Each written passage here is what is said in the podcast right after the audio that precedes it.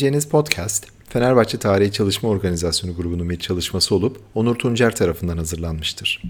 Fenerbahçe tarihi konusundaki benzer çalışmalar için fenerbahçetarihi.org internet sitemizi ve sosyal medya kanallarındaki hesaplarımızı takip edebilirsiniz.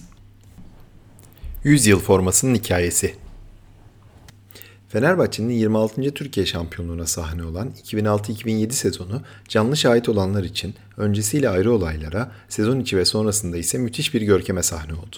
Kulübün kuruluşunun 100. yıl dönümünde bir başka muazzam işte formalardı. Huzurlarınızda o yıl futbol takımının içinde arıza endam ettiği 100 yıl formasının hikayesi. 100. yıllar. Resmi olarak ikinci ancak kutlama isteği olarak ülkedeki üçüncü kulübüz. Önce kuruluş tarihleri 1903 olmamasına rağmen Beşiktaş'ın 2003 yılında, sonra ise Galatasaray'ın 2005 yılında kutlaması var. Beşiktaş'ın sporcularının isimlerinin yazılı olduğu 100. yıl formalarının konuşulduğunu elbette hatırlıyoruz. 10 numara 5 yıldız iş. Beko reklamlı Puma markalı formalar.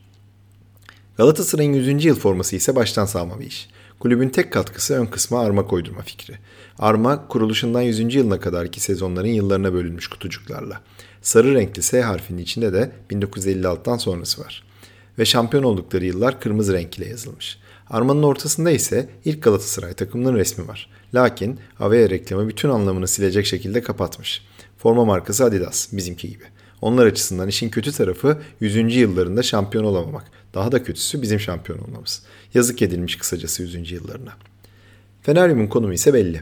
Lider ve örnek firma. Bir sürü nedeni var elbette ve anlatacağım başarı hikayesinde payı büyük bu nedenle. Lakin detaya gerek yok. Önceleri markasız, sonra ise Feneryum markasıyla çıkarıyor bütün takımlarını karşılaşmalara.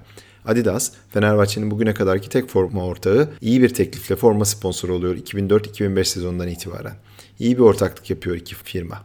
Birbirlerine saygıyı da unutmuyorlar. Öyle ki Adidas kendi forma tasarımlarının Feneryum ekibi tarafından özelleştirilmesine izin veriyor.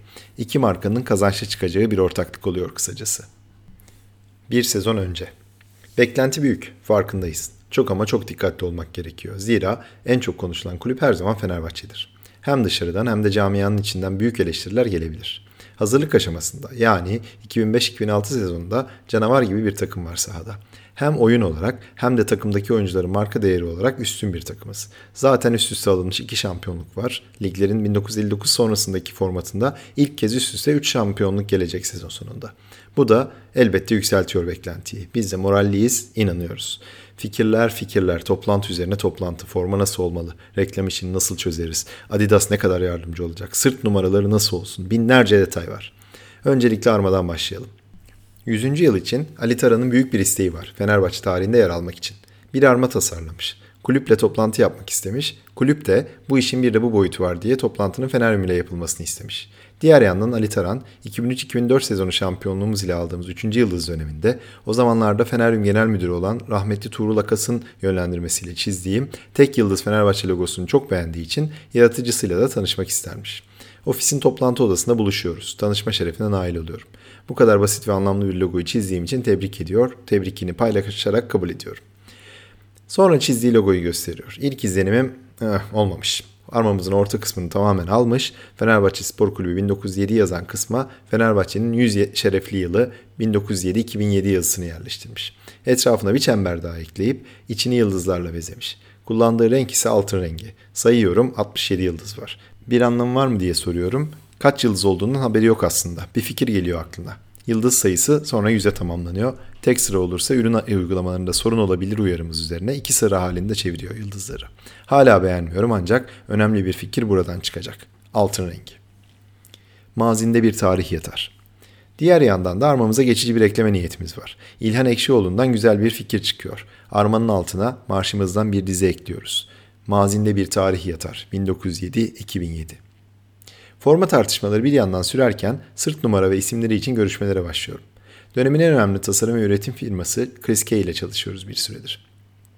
Formalarımızdaki 3 boyutlu armalarımızı üreten firma. Premier Lig, Şampiyonlar Ligi, Real Madrid, Milan, Ajax gibi markaların arma, sırt numarası gibi ürünlerini hem tasarlıyor hem üretiyorlar.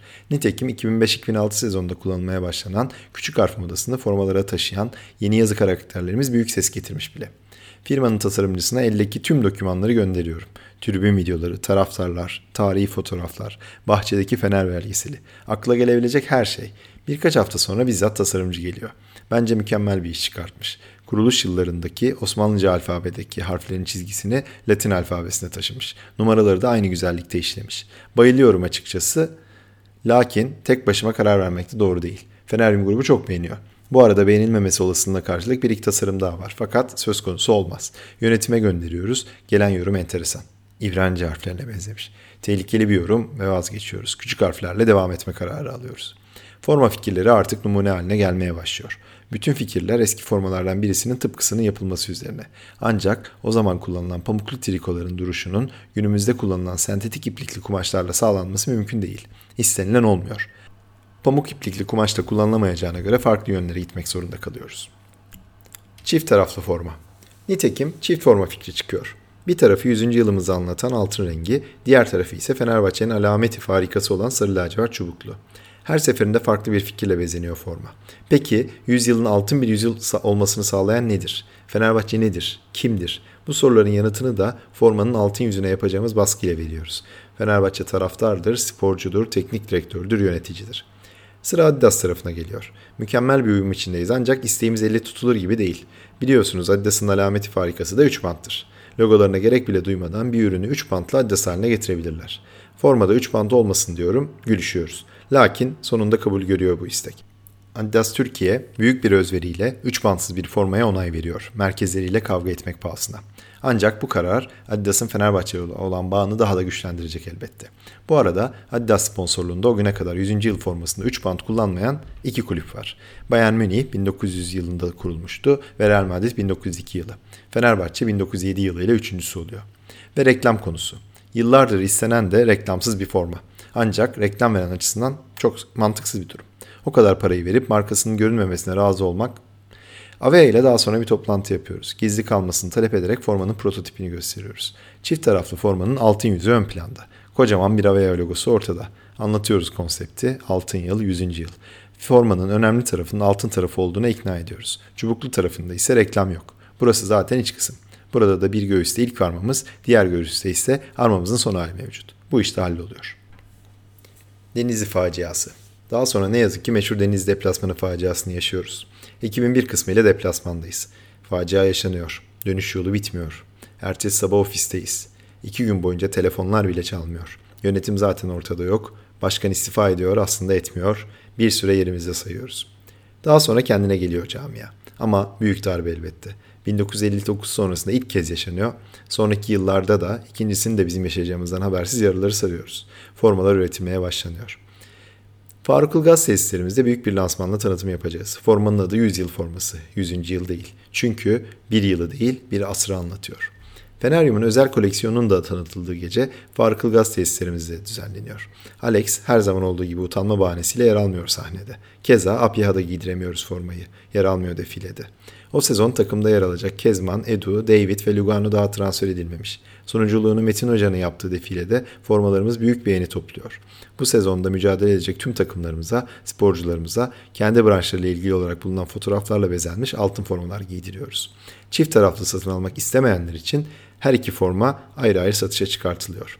Futbol takımımızın mücadele ettiği UEFA kupasında ise UEFA'nın forma kurallarına uymadığı için altın renk formamız üzerindeki baskı olmadan kullanılıyor. Ayrıca Adidas'ın ricasına uyuluyor ve maç formasına 3 bant da ekleniyor. Şampiyonluklar, şampiyonluklar. Sezon güzel geçiyor. 100. yılımızda neredeyse tüm branşlarda şampiyon oluyoruz. Takım sporlarında lig mücadelesinde futbol, erkek ve kadın basketbol takımları şampiyon, erkek ve kadın voleybol takımları ikinci oluyor. Kupalarda ise futbolda Süper Kupa, kadın basketbolda hem Türkiye hem Cumhurbaşkanlığı Kupası, erkek basketbolda ise Cumhurbaşkanlığı Kupası'nı kazanıyoruz. Sezon boyunca tüm branşlarda 224 kupayla tamamlıyoruz 100. yılımızı ve 100. yılımızda hep 100 yıl formalarımız var. Fenerbahçe tarihi konusundaki benzer çalışmalar için fenerbahçetarihi.org internet sitemizi ve sosyal medya kanallarındaki hesaplarımızı takip edebilirsiniz.